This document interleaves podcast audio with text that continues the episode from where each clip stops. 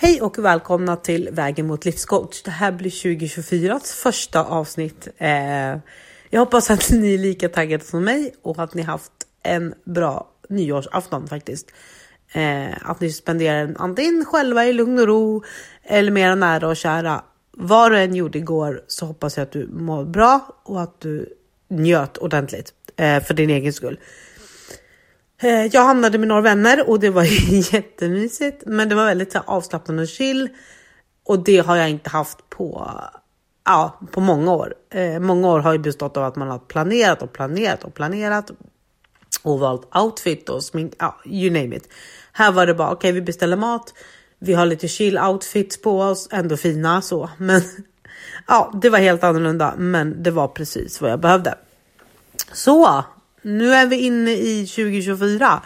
Hur känns det? Har ni hunnit landa? Har ni uppfattat att vi är inne på ett nytt år? Eh, det går så fort där mellan nyårsafton och att vi switchar till ett nytt år. Ibland hinner man inte reflektera kring det. Men som sagt, 2024 har börjat. Och det jag tänkte att dagens ämne skulle vara är din mentala inställning. Eh, vad har du för känsla gällande nya året? Hur tänker du att dina mål ska nås? Eh, har du mål för hela året eller har du löften? Eh, jag har valt att skippa nyårslöften. Jag siktar på eh, mål istället. För att det, mina löften blir alltid mål till slut ändå. För att det är ett större projekt än vad jag tänkt så. och sen så ska jag eh,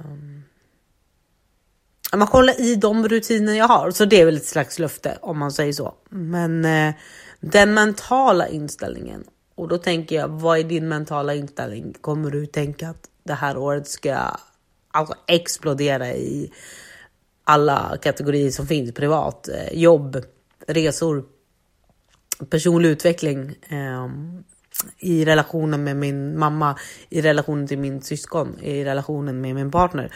Alltså din mentala inställning sätter ju också standard för hur du vill att året ska vara. Eller hur året ska börja.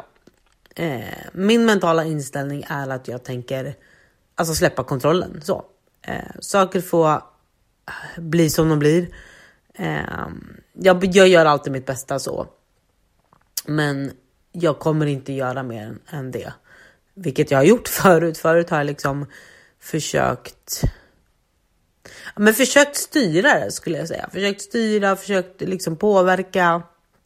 Eh, och det har tagit mer negativ energi av mig än vad jag trott. Så att jag tänker bara eh, ja, släppa kontrollen. Så min mentala hälsa är att liksom, eller min mentala inställning är att ja, men släpp det och låt det bli som det blir. Lite så.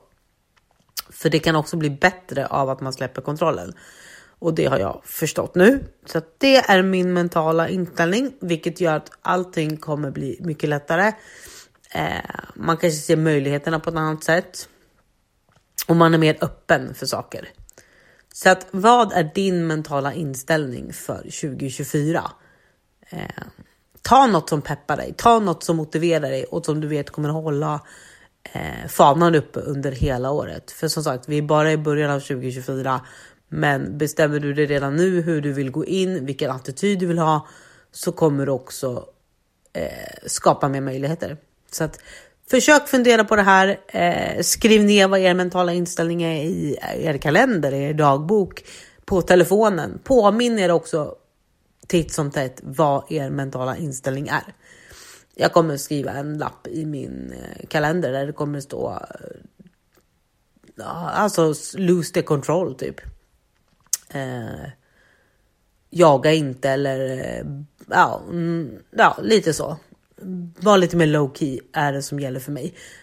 Eh, många ord betyder ju samma sak, men det är lite det. Jag kommer påminna mig med olika sätt i min kalender varje vecka för att inte kunna släppa det här.